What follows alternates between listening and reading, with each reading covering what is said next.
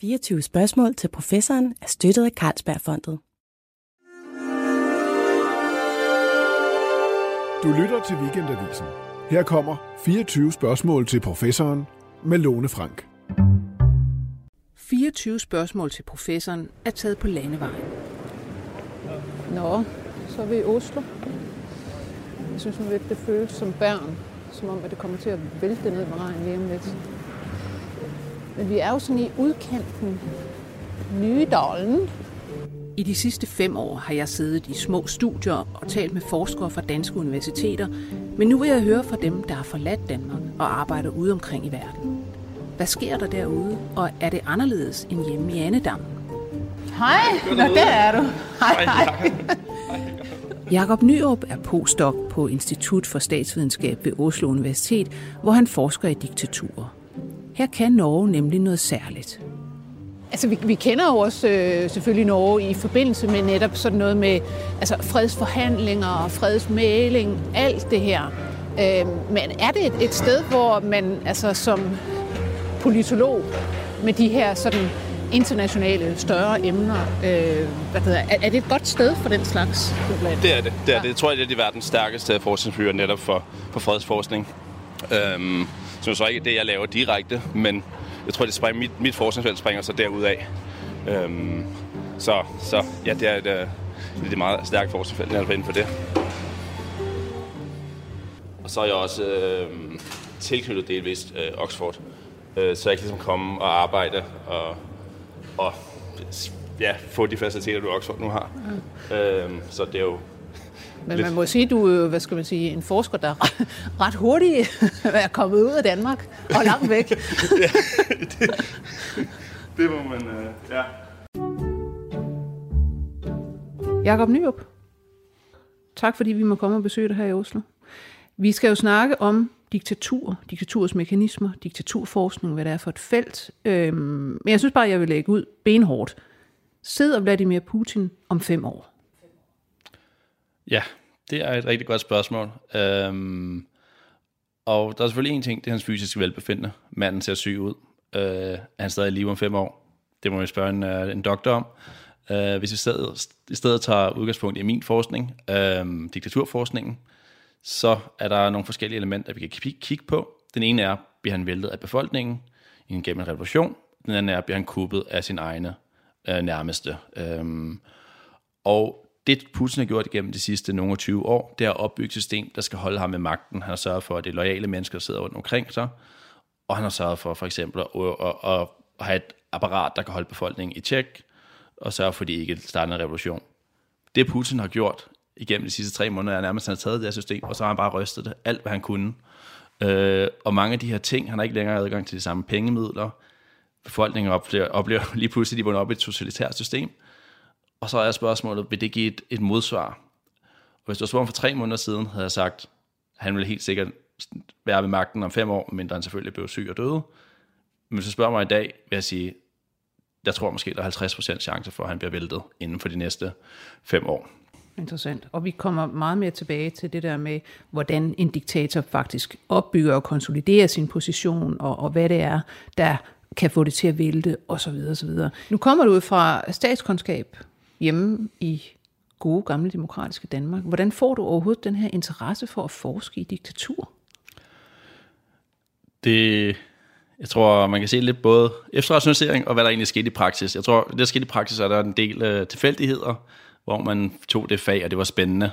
Uh, men jeg tror også, jeg i længere tid, måske nærmest fra, fra barndom, har været lidt interesseret i det her, øhm, uh, som min øh, familie er delvis jødisk herkomst. Uh, og jeg begyndte ret tidligt at læse bøger, som for eksempel af Primo Levi eller Imre Kertész om, øh, om holocaust, og vi var også tit taget med på nogle ikke nødvendigvis særlig hyggelige øh, ferier til, til diverse gamle koncentrationslejre, hvor den her prøvede at forstå, hvordan kan der skabe den her ondskab.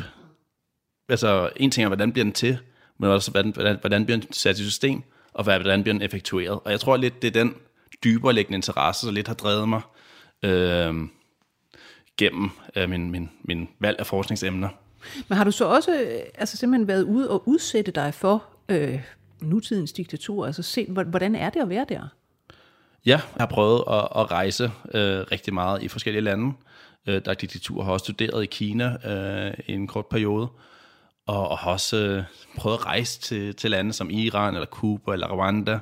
Øh, jeg har desværre ikke været, eller jeg har ikke været i Nordkorea, jeg har prøvet, har prøvet at, løbe, at melde mig til Nordkoreansk maraton, for jeg tænkte, det er den sikreste måde at komme til Nordkorea, men det er ikke lykkedes mig endnu, fordi der kom jo en pandemi. Men hvad, hvad har du været ude efter på de rejser? Er det, hvis man siger, for at, at fornemme øh, skal man sige, stemningen blandt folk? Altså, hvordan opleves det egentlig at, at leve i sådan et land her? Og har det været meget forskelligt i de her forskellige lande? Jeg har, ja, jeg, jeg vil gerne se, hvordan, hvordan, hvordan er det at være et diktatur. Øhm, og prøve at få, få, få en fornemmelse af, hvordan er, hvordan er det. Øhm, altså, jeg har en del venner, som, som, som jo kommer fra lande, som er diktaturer, øh, som jeg har mødt på ja, mine studier i Oxford og LSE og, London, øh, og Yale.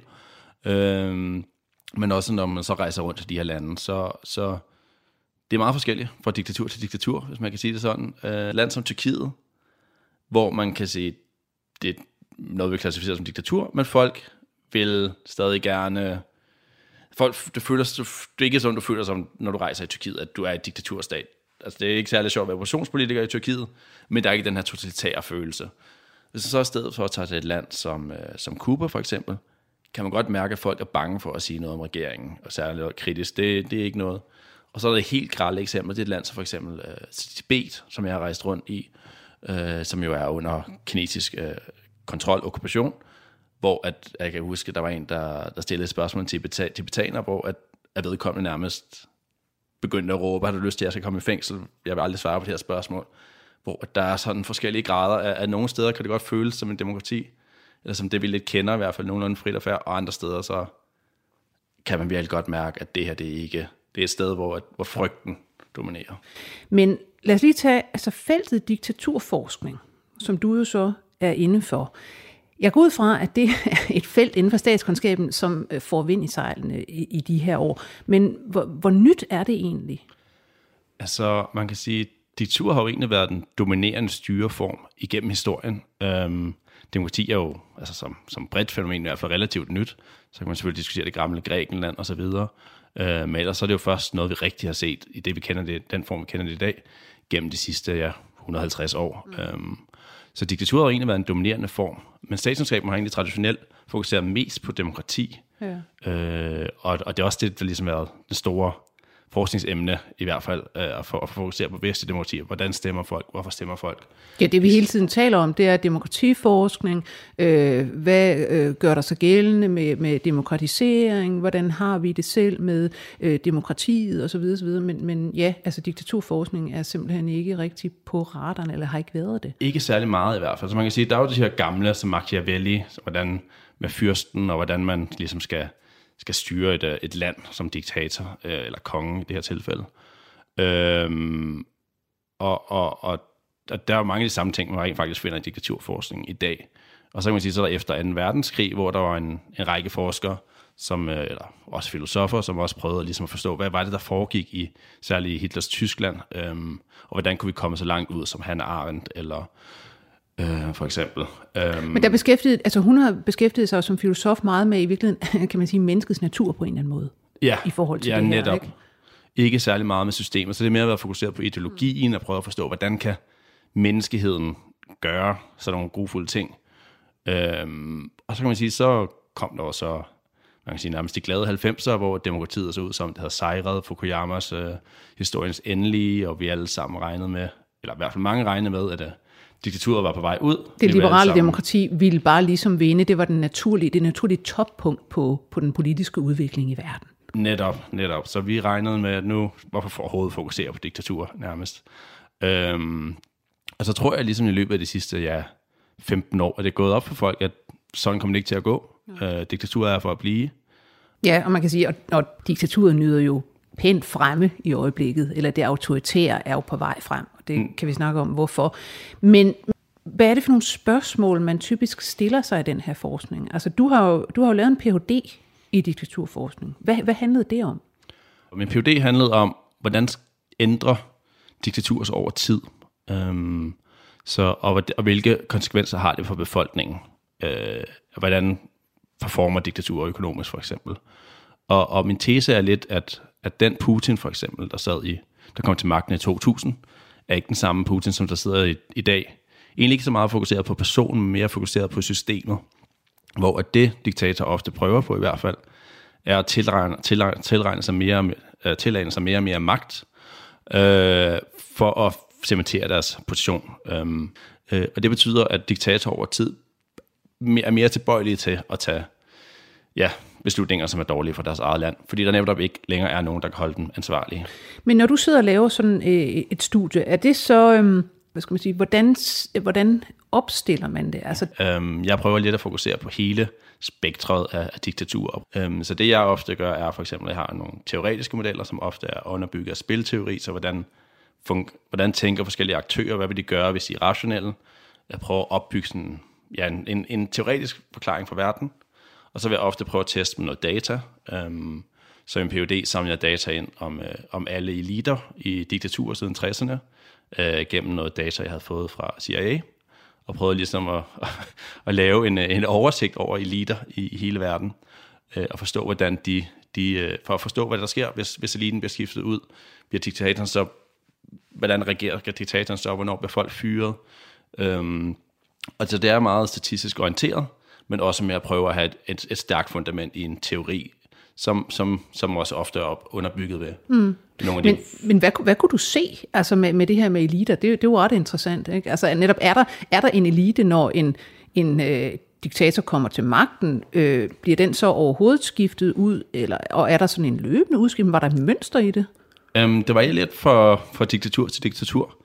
Um, så der er nogle diktaturer, hvor man kan sige, at de har opbygget et, en, i nogle diktaturer så er, udgår alt magten for, for diktatoren. Han har en, altså jo næsten stort set altid en han, har, har ultimativ magt og kan lære som nærmest fyre folk på må at få.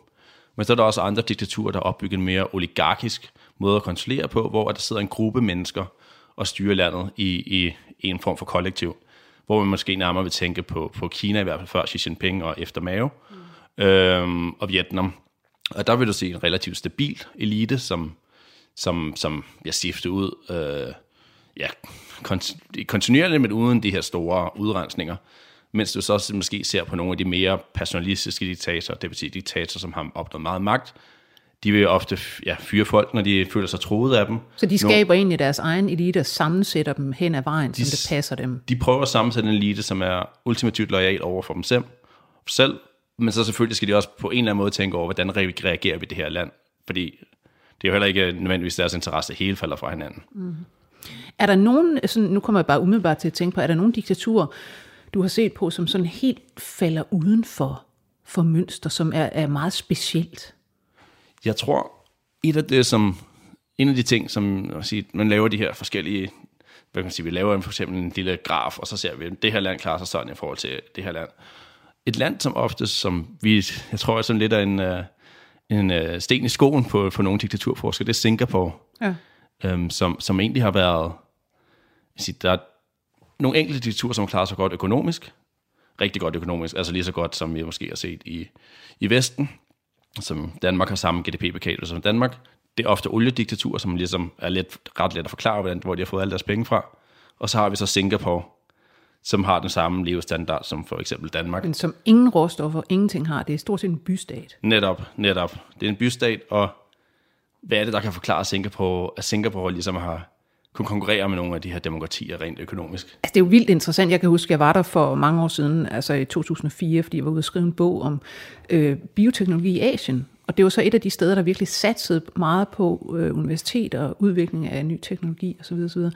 Ja, altså Singapore var jo en, en lille fattig ja, ø ved siden af Malaysia, øhm, som jo fik selvstændighed i, jeg kan ikke huske det præcis årstal, øhm, men i starten af 63, ja. tror jeg, øh, under øh, ledelse af Lee Kuan Yew, og, og man kan sige, der er mange, der peger på ham som, som, som manden bag Singapore, ham der skabte det økonomiske mirakel.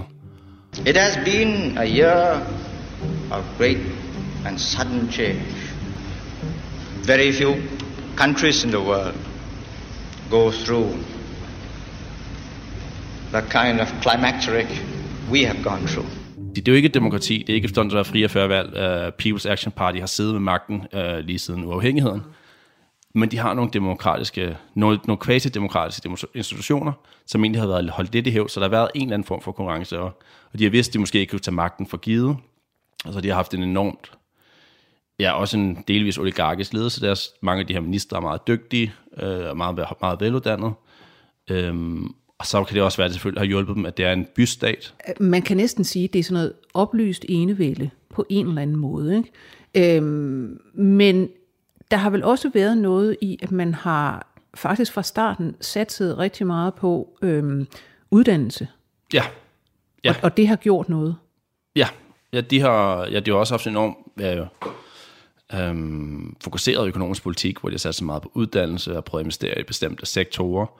Øhm, og jeg tror også, øh, at, at det har været med til at, og, og, og, ja, at, lige, at, at drive Singapore økonomisk frem. Hvis du er et land, regerer et land, som ikke har nogen økonomiske fordele, øh, som olie, og du ikke bare kan hive pengene op af jorden, og så tage dem, du selv vil have, og så købe nogle fede jagter, eller hvad du ellers vil bruge pengene på, øh, så må du ligesom finde en anden måde at få penge på. Og der tror jeg også, Lee Kuan Yew har jo ikke øh, eller dem, der har regeret Singapore, har jo ikke haft de her, de har ikke bare hive penge op på jorden. Så de må skabe vækst på en anden måde, og det har så været uddannelse, og det har været investeringer i, i, høj, i teknologi, øh, produktion, øhm, og så kan man jo så gøre landet rigt på den måde, og måske prøve at hive lidt, øh, ja, ja, øh, hive lidt til sig selv på den måde. Mm. Øh, og jeg kan ikke, nu skal jeg passe på, hvad, hvad man siger om Lee Kuan Yew, men jeg mener, at, at de havde for eksempel eksklusiv, hans familie havde eksklusive rettigheder på de har diverse advokatydelser i Singapore. Så det kan godt være, at det ikke har set ud som korruption på den måde, men, men hvis du får monopol over en bestemt sektor, så kan du ja. blive ekstremt rig. Men det lyder lidt som den kinesiske model, det der rent faktisk. Ikke? Altså, vi satser på, vi opbygger dette land, vi sætter folk i gang med at uddanne sig, arbejde, og, hvad det, og så har vi en form for, altså, øh, en eller anden måde, hvad skal man sige, som du sagde, lidt oligarkisk styre.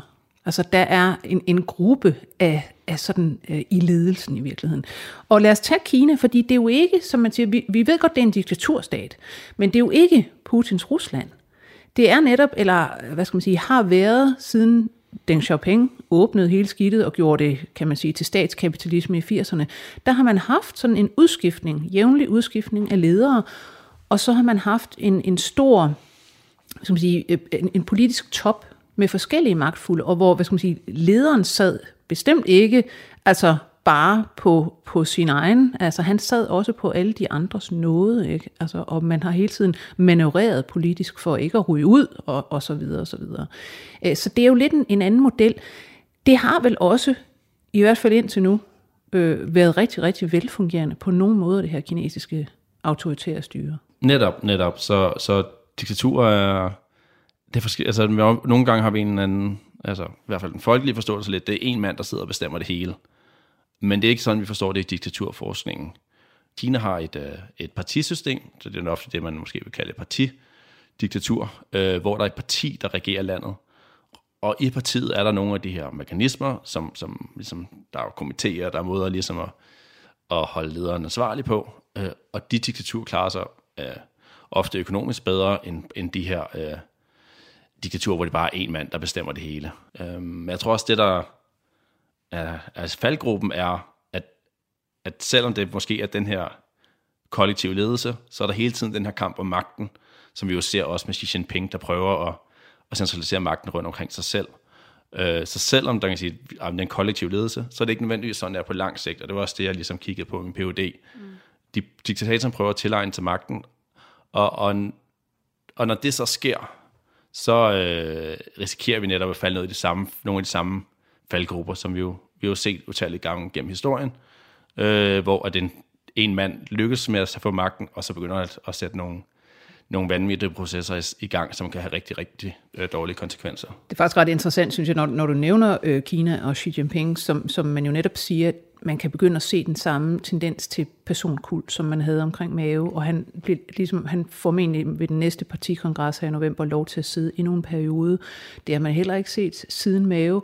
Øh, og når du nu siger, at de begynder at hvad der, måske lave lidt dårligere politik og så videre, den der øh, hvad der, nul-tolerance over for covid, og den der evige nedlukning, som vi ser i øjeblikket, og som han lige har været ude at sige, det giver vi på ingen måde køb på. Det ligner for mig sådan noget der, mm, det kan komme til at stå i dyrt, det her. Ikke? Netop, altså. netop. Jeg tror, diktatur er lidt, det er lidt ligesom en, en rutsjebanetur, hvor man ved ikke, om det går op eller ned. Øh, det kan godt være, det ser ud som, det går opad den første, par, første del af turen, men du ved ikke, hvad der kommer senere hen. Og i og med, at det ikke er et demokrati, man har ikke mulighed for ligesom at sige, kollektivt, vi ændrer, vi stemmer på en anden person og ændrer retningen. Man er bare man er nødt til at, at sidde med på turen øh, som borger i det land, uanset hvor galt det går. Ja.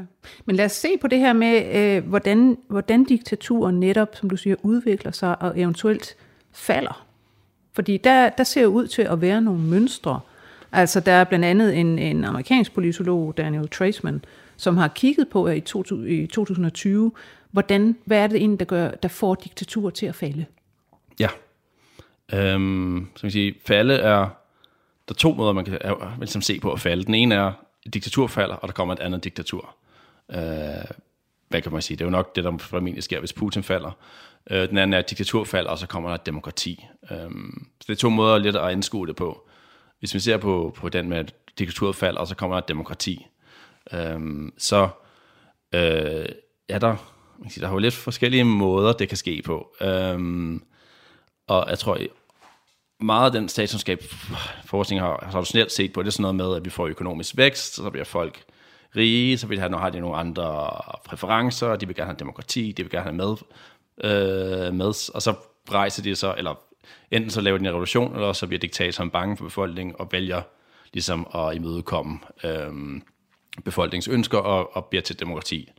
Øh, der er også noget med noget omfordeling, for eksempel. Det, det, det vil være, ofte være nogen, mm lidt forsimplet vil det være det, man for eksempel kan sige med Danmark i, i 1850, øh, eller 49. Øh, men så træsmandsforskningen i sig, og det er også nok nogle af de, det er lidt svært at forklare hver enkelt case, hvad der egentlig skete der, og hvad der ja. skete der der. Ja.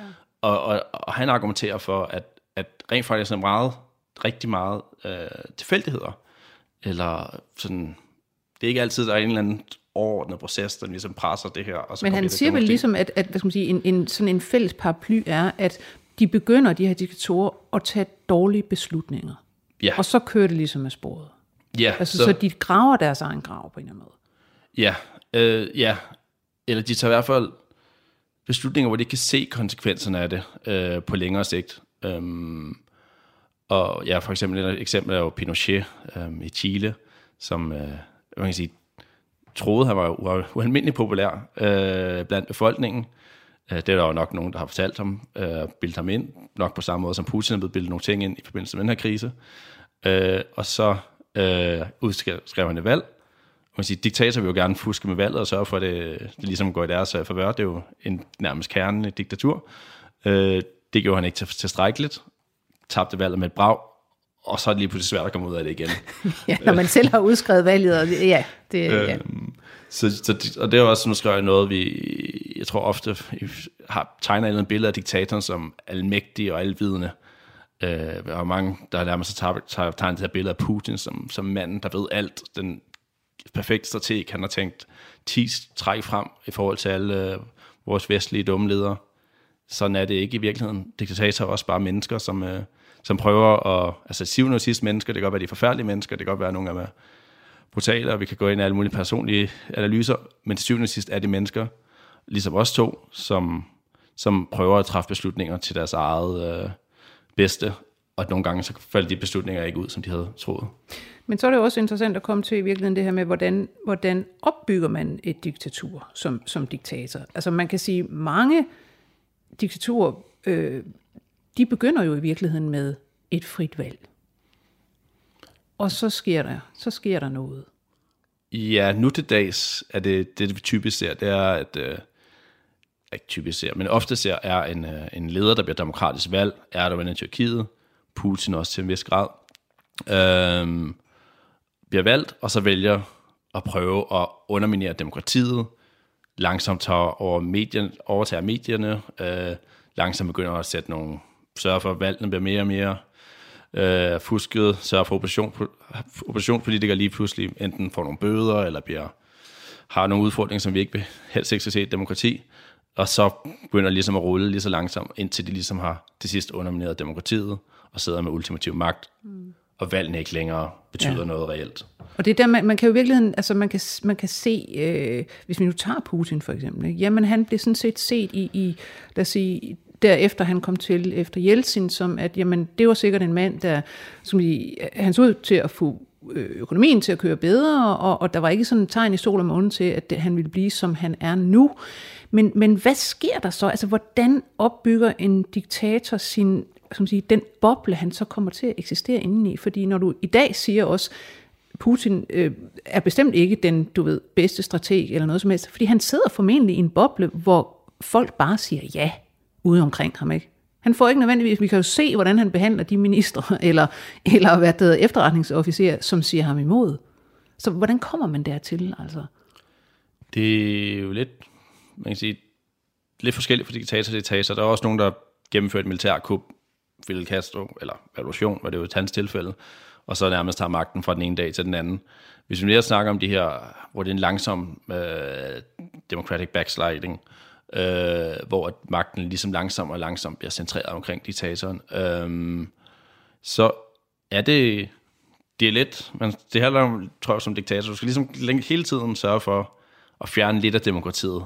Hvis du går for hurtigt frem, så bliver det opdaget på en måde, eller det bliver for massivt, og så risikerer du, at folk lige så pludselig rejser sig mod dig, eller Vesten begynder at indføre sanktioner, eller sker et eller andet, du ikke lige har lyst til. Så det handler om lidt langsomt underminere demokratiet, lige lukke den ene, ene radiostation, opkøbe den anden radiostation, så, øh, eller tv-station. Øh, måske, du skal, ikke, du skal ikke ud og slå alle oppositionspolitikerne ihjel med det samme.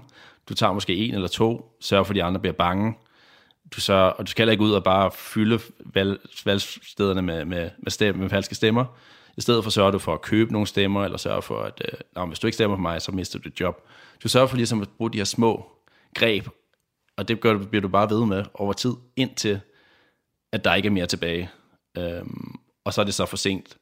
Det er lidt ligesom en, en ja, man sidder i folk, befolkningen, det måske gik op for befolkningen, der måske er noget galt, og det, det var også lidt, men det er, ikke, det er ikke nok til, at de, de ligesom rejser sådan en revolution.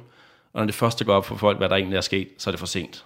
Men med hensyn til andre, der kan vælte en diktator, altså, og det er jo det, vi hele tiden taler om i forhold til Putin, jamen, nogle af hans egne må da gøre et eller andet. Og, og rigtig mange mennesker øh, sidder og dis- øh, diskuterer, jamen, hvorfor er der da, hvorfor er der ikke bare nogen fra S, øh, FSB, der, du ved, altså, fjerner ham og så videre.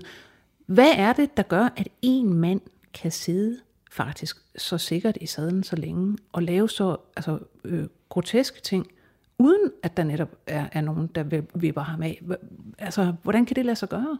Ja, det, er jo, det handler om nærmest det her system. Så man kan sige, diktatoren kan bruge forskellige virkemidler til at holde sig ved magten.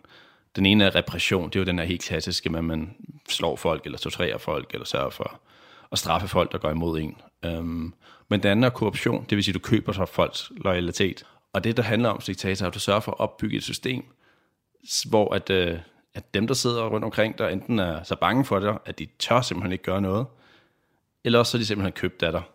Givetvis begge dele. Øhm, så de så måske sidder nogle af ministerne for eksempel, eller nogle af FSB, de sidder i nogle store statslige virksomheder og kontrollerer det. Eller de har noget, noget korruption, der sørger for, at de hele tiden får penge ned i lommerne. Og det kan også være, at du har noget på dem, hvis de, hvis de gør noget forkert, så kommer de i fængsel, fordi de er jo alle sammen korrupte, så det er en, hvis nærmest, hvis du ikke er korrupt, så er det et problem i, i nogle af de her, de her styreformer, fordi så har de ikke noget på dig, så kan de ikke sætte dig i fængsel. Øhm, så du sørger for hele tiden at have, så du har noget på alle mennesker, du sørger for, at de er bange for dig, og du sørger for, at hvis de går imod dig, så mister de deres indkomst, måske også deres liv. Og når du så har sørget for, at, at, at alle på en eller anden måde er en del af det her system, så er det meget, meget svært at komme af med diktatoren igen. Mm. Øh, så kan man vel også tale om sådan, altså virkelig, virkelig gode diktatorer, altså nu tænker jeg effektivt igen på øh, diktaturets præmisser, altså nogen, der virkelig kunne deres håndværk, og nogen, der var ringe. Altså, hvem vil du sige er sådan, når du ser ud over verdenshistorien, altså sådan en virkelig god diktator, der altså kunne det der? Jeg tror, at den, den der ofte bliver fremhævet i, i diktatorforskning, det er Stalin. Mm. Han er den mand, der formentlig har haft mest magt over flest mennesker på noget tidspunkt i verdenshistorien. Og han blev jo også siddende til, han, han øh, fik et hjertestop, mener jeg, det var. Og folk var jo nærmest så bange for ham, at de turde ikke at åbne døren og se, se at han rent faktisk var død, fordi vi ikke, turde ikke væk ham. Og han er en mand, der virkelig forstod at både få kontrol med eliten. Han er jo øh, berygtet for sine sin, øh, udrensninger af, af både militæret og det nærmeste, og, og alle dem, der på nogen måde var en del af magtapparatet. Было бы ошибочно думать, что наша партия, ставшая могущественной силой, не нуждается больше в поддержке. Og så havde han jo også opbygget et totalt magtapparat, der kunne holde styr på hele befolkningen stort set. Наша страна Og hvis man nærmest sparer så meget som, som sagde kvæk, så røg man i, i, i gulag. Øhm, eller det, der var værre. Så det er, jeg tror, Stalin er, er nærmest ærkeeksemplet på, på ja. vi siger, dygtige, et ord, der kan have flere betydninger, men på en dygtig diktator, eller kompetente diktator. virkelig, virkelig kompetent diktator. Hvilket, hvilket får mig til at, at, at tænke på, øhm, er- er der nogle små staliner rundt omkring i dag? Altså, er der nogen, man kunne pege på og sige, det er sådan set egentlig lige så grusomt, det er måske bare på en mindre skala? Ja, altså det er noget, vi ofte glemmer, når vi kigger ud over verden, at der er en række lande, der er regeret af, af forfærdelige diktatorer, øhm, som absolut ingen respekt har for menneskerettigheder. Øh, det kan være et land som Equatorial Guinea øh, eller Eritrea, og så selvfølgelig Nordkorea, som jo, som jo ofte kommer op i medierne. Øhm, også øh, Venezuela. Øhm, og, og, og nogle af de her lande, som kommer op med jævn regelmæssigt i medierne, og nogle af dem har vi nærmest fuldstændig glemt. Øh, også fordi man ikke øh, nødvendigvis har, er i gang med en invasion af Ukraine, så betyder det ikke, at der stadig er der stadig, altså glemmer vi nogle gange fokus på de her lande, og der er nogle mere mennesker, der lever rigtig, rigtig forfærdelige liv, fordi der sidder en diktator med ultimativ magt, og bruger det til, og i stedet for at tage, tage befolkningens velbefindende, er det udelukkende om, hvordan, hvordan hvor godt de selv har det.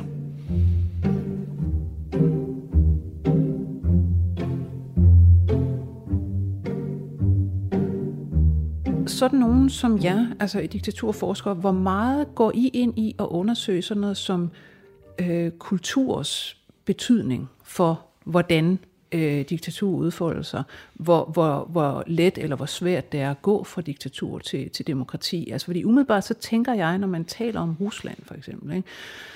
Så taler man også ofte om, jamen er der ikke en kultur, der går i retning af, at man kan virkelig godt lide den stærke mand, og så videre, og så videre. Og Putin har jo rent faktisk, altså specielt ude omkring i landet, ret stor støtte, ser det ud til. Ikke?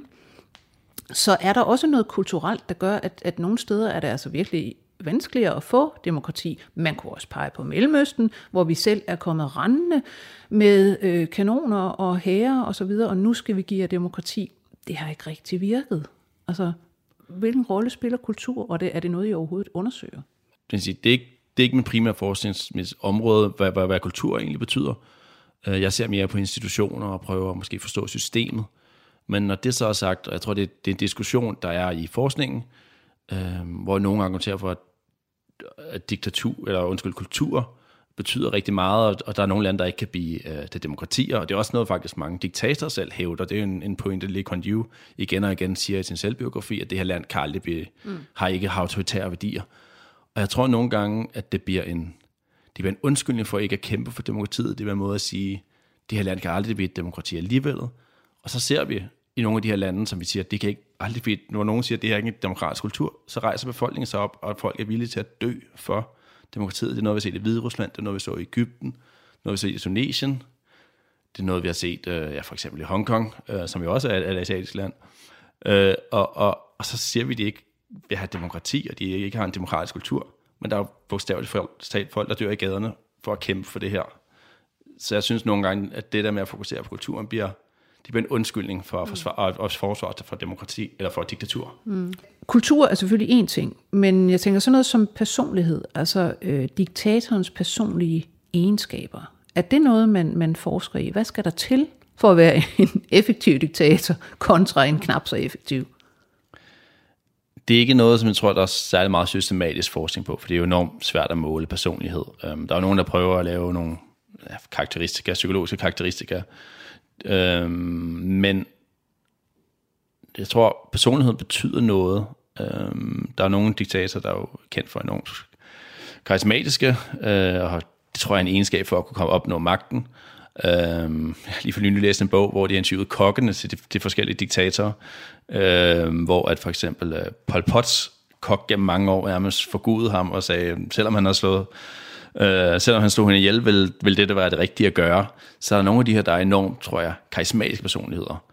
Men når, hvor meget det vil så betyde, når de rent faktisk er ved magten, det er svært at sige. Man kan sige, en ting der er, når du har ultimativ magt, så betyder personligheden jo enormt meget. Øh, hvis du har en personlighed, der gør, at du har lyst til at så folk ihjel, så er det meget lettere for dig at gøre det. Øh, så jeg tror, personlighed betyder noget, men det er meget svært at lave systematisk forskning på det. Så er der vel sådan noget som, kan man sige, næsten, øh, hvad skal man sige, øh, diktator by default på en eller anden måde. Hvis man nu tager øh, Assad i Syrien. Han havde en far, der sad der livslangt. Øh, han var selv, øh, hvad skal man sige, øjenlæge med lidt vigende hage og, og en sød kone. De sad i London og havde egentlig et glimrende liv. Han bliver så hentet hjem. Nu skal han være diktator, og, og det udfolder sig jo så på mest rædselsfuld vis. Hvad, hvad er det, der gør sig gældende der? Er det, øh, hvad skal man sige, er det den nye Assads egen sådan personlighed, øh, vilje, ambition, eller er det også et system, vi snakker om? Det, ja, sådan, der er nogle af de her diktater, som egentlig virker meget joviale og venlige, øh, og, og mange af dem kommer nærmest til magten ved lidt et uheld. Putin var også en, nærmest en kompromiskandidat. Der var ikke nogen, der havde set, at han ville blive, blive Ruslands stærke mand gennem mange år. Og jeg tror, hvis man har lyst til at blive ved magten som diktator, så bliver man nødt til at være hård og kold, uanset hvilken personlighedskarakteristisk træk man kommer ind til magten med, så bliver man nødt til at, at forme sig efter jobbet, for ellers så bliver man væltet. Der er andre mennesker, der gerne vil have den her position. En lidt sjov ting er, hvis man går ind på Ahmadinejad, som jo var, var Irans præsident øh, øh, under ja, Bush-årene, øh, som jo lidt blev set som nærmest øh, inkarnationen af det onde. Mm. Hvis du går ind på hans Twitter-profil i dag, så, har han, så hygger han sig med at skrive... Øh, øh, fanerklæringer til Tupac, og sige godt nytår, og, og god jul, og, og bruger det egentlig til at lære engelsk, og virker som en meget rar, rar ældre, hyggelig herre. Han bliver jo nødt til at... rar ældre eks-diktator. Okay. Ja, og, og det er jo sådan lidt to verdener, hvor du ser en mand, som er kendt som det store onde, virker som en hyggelig bedstefar, i hvert fald på sin Twitter-profil, og så har du så bare Charles Assad, som var ved magten samtidig bare i et andet land, som måske på en måde var mere sympatisk i, i den, på det tidsperiode, men som nu ser, er, jo, er jo det, ja, inkarnation af det onde selv. Hvilket måske også siger noget om det interessante med den, den menneskelige natur, at ligesom vi alle sammen i virkeligheden kan blive drevet ud i at foretage os ganske forfærdelige handlinger i for eksempel krig og andre øh, hvad det hedder, omstændigheder, så kan rigtig mange måske i virkeligheden også med de, hvad det hedder, de rigtige omstændigheder øh, blive øh, diktator. Selvom man ikke havde ambitionen. Ja, det, det, der er jo nogen, der er nærmest blevet diktator på default og endt med at se ud som, det passer rigtig godt til jobbet, har også cementeret magten og, og blevet de her monstre. Um, og der var også mange af de her revolutionære diktatorer, hvor man har tænkt, da de i deres samtid, eller ikke i deres samtid, men da de kom med magten, blev det set som om, at det her det er de gode for landet, sådan som Mugabe eller Gaddafi blev set med et stort håb og er jo blevet igennem, huske, bliver husket historiebøger som forfærdelige mennesker. Øh, og det ser ud som, at, at, der er jo en eller anden, hvis du har lyst til at blive ved magten som diktator, så må du gøre det, der kræver. Og det vil ofte, øh, eller vil nødvendigvis kræve vold.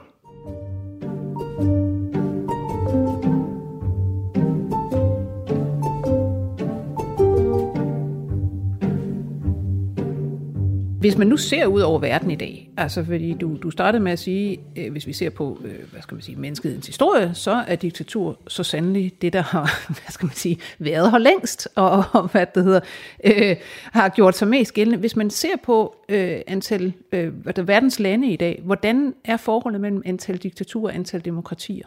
Øhm, der er lidt forskellige måder at anskue det på. Den ene er, hvor vi ser på antallet af lande, der er demokratier, og antallet af lande, der er diktaturer.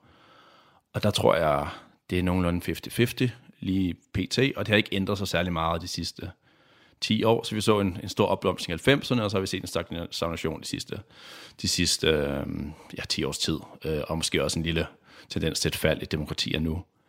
Men hvis vi kun ser på det på den, anskuer det på den måde, hvor vi bare ser antal lande, så glemmer vi faktisk, rent faktisk, så ser vi ikke de, vi, vi, vi har kun, ser kun det halve billede. Antal mennesker, du Hvis vi ser på antallet af mennesker, så begynder det at se noget dårligt ud for demokratiet. Mm. Fordi nogle af de lande, der er blevet mere demokratiske, er relativt små. Gambia for eksempel, eller Armenien. Øhm, Mens nogle af de lande, der er blevet mere autokratiske, er kæmpe store lande, hvor der bor rigtig mange mennesker. Indien, Tyrkiet, Rusland, til dels også Brasilien, Filippinerne. Øhm, og det er jo store lande, hvor der bor mange mennesker. Øh, så, så på den måde, så ser det ikke alt for godt ud for demokratiet lige nu. Men, når det så er sagt, så er det heller ikke fordi, at, at demokratiet er slut i overmorgen, og, og det, det hører fortiden til. Det, det, det, er en, det er en varekamp, og, og, og der er også folk, der er villige til at kæmpe for demokratiet i de her lande. Men lad os, lad os tage det her, øh, hvad det hedder nu, hvor vi er ved at, at løbe ud for tid. Fordi det er jo interessant, at vi havde den der øh, stemning og, og fornemmelse i 90'erne af, at nu går det virkelig den rigtige vej. Altså muren er faldet, verden bliver bare friere, og så fik man også, øh, man fik internet, man fik sociale medier, og det var ligesom alt sammen noget, man tænkte, jamen det, det understøtter en demokratisk udvikling. Man havde det arabiske forår, som jo så gik i sig selv igen. Altså, altså det virkede ligesom ikke. Og nu står man så og ser som du siger, at det ser faktisk ret skidt ud. Det bevæger sig egentlig i autoritær retning, hvis man ser på øh, antal mennesker, der er under autoritært styre eller på vej dertil. Altså Modi i Indien for eksempel. Indien altså, praler jo altid af at være verdens største demokrati. Ja, der er rigtig mange mennesker i Indien, men særligt demokratisk er det vel faktisk ikke. Hvad er det Modi er ved at lave? Det er jo lidt mm, det, man har set i forskellige i lande. Nu er jeg ikke Indien-ekspert heller, men, men men det er det der med, at du prøver at splitte befolkningen, du prøver at polarisere befolkningen.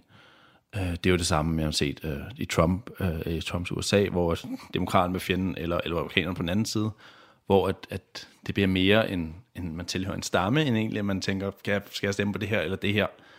Og når man så sørger for, at, at, at kontrasten bliver så stor, polerne bliver så, så langt fra hinanden, så begynder folk ikke længere at skifte stemning, eller skifte stemmeadfærd efter hvad de synes er bedst for landet, men de tilhører den her gruppe, og de stemmer på den her gruppe. Og i Indien er det så, enten er man muslim, eller også er man hindu. Og ja, det er så sådan en fundamentalistisk, øh, hvad skal man sige, hindu-regering, man har med Modi. Ja. Nationalistisk. Ja, man kan sige, der er mange hinduer, som, som ikke støtter op om Modi ja. øh, heller. Um, men han prøver at skabe det her ja, uh, polarisering i det indiske samfund også. Og så vil man sige, så, begynder, så begynder det måske at blive lidt mere underordnet, hvad, hvad godt man egentlig gør det som leder, fordi det vigtigste er, at man, man støtter af sådan en gruppe. Og der kan man se også, ja, særligt den måde, Trump også har prøvet at, at skabe en, en, øh, en pol for republikanerne. Også ikke kun Trump, det er jo hele det republikanske parti. Også måske til en vis grad demokratiske parti. Vil du som diktaturforsker egentlig, når du ser tilbage på, hvad der skete under Trump, og også hvad der skete med altså stormen på kongressen, øh, da han så ikke blev valgt, lignede det noget, der kunne være blevet til noget autoritært? Jeg tror, det lignede noget, der godt kunne blive til noget autoritært. Jeg vil sige, det vi så også så i USA, var, at institutionerne holdt, og der er en, en respekt for, for valgprocessen, som i hvert fald i den her, i det her tilfælde øh, sørger for, at demokratiet var robust. Og heldigvis er det også noget, som forskning tyder på, at demokratier er ret robuste, de her gamle demokratier. Øhm, men jeg vil sige, mange af de ting, vi så, og de redskaber, Trump brugte, republikanerne bruger, øh, særligt republikanerne i hvert fald i, i USA, mm, det er ud af den autoritære øh, øh, værktøjskasse, øh, og det virker ikke som, at øh, alle øh, mennesker i USA nødvendigvis har en stor respekt for, for demokratiet, øh, eller Nej. i hvert fald for, at magten kan skifte hænder. Og man må, man må sige, det er jo ret interessant, når det er i et, et land, der sådan set altså er grundlagt på at være et demokrati i 1776. Altså, de, simpelthen, de, de er grundlagt på, nu tager vi fra Europa, nu laver vi os dette fantastiske demokratiske system. Og så går der altså ikke så meget mere end 200 år, så kan man se det her øh, kan sagtens, hvad skal man sige, øh, altså komme igen. Det er ikke sådan, at man skal føle sig sikker på at være et demokrati. Nej, nej, det er, nej, det er noget, man, jeg tror, vi skal kæmpe for, og, og og, og, og sørge for, at vi skal ligesom respektere. Jeg tror, det vigtigste er egentlig, at man respekterer, at andre kan have andre meninger, øhm, og det ikke bliver så polariseret. Det tror jeg nogle gange ofte er, er en af de store trusler, der er, det er, at vores, vores samfund bliver polariseret, og så bliver det let for en diktator og ja, en, en, en, en leder med autoritære tendenser og, og, og ligesom bruge de her redskaber til at, til at, at skabe et, øh, et uh, diktatur Øh, men når det så er sagt, så, så der er meget få ledere i dag, der vil gå ud og sige, jeg er diktator, jeg vil, jeg vil, jeg, jeg vil have en, øh, jeg vil have et øh, diktatur, og befolkningen skal ikke have noget sagt. Der er en eller anden form for, i hvert fald de fleste ledere vil, vil på en eller anden måde prøve at bekende sig til det demokratiske ideal, i hvert fald i, i det talte, om de så gør det i praksis er en anden ting. Men hvis man nu taler om, om Europa her til allersidst, altså jeg synes jo, når man, når man kigger på Orbans Ungarn, så ligner det for mig altså lige præcis det, du siger, med at begynde at, at, at gribe fat om, altså med en stor folkelig opbakning, kan han få ændret øh, fundamentale ting i forfatningen hen imod, at han kan blive siddende i rigtig mange valgperioder. Det bliver sværere og sværere for politiske modstandere at komme til ord. Altså jeg hørte her den anden dag faktisk, øh, at i den seneste valgkamp, der er det jo sådan, at Orbán kan sådan set optræde på alle øh, radio- og tv-platforme og, og holde sine taler osv.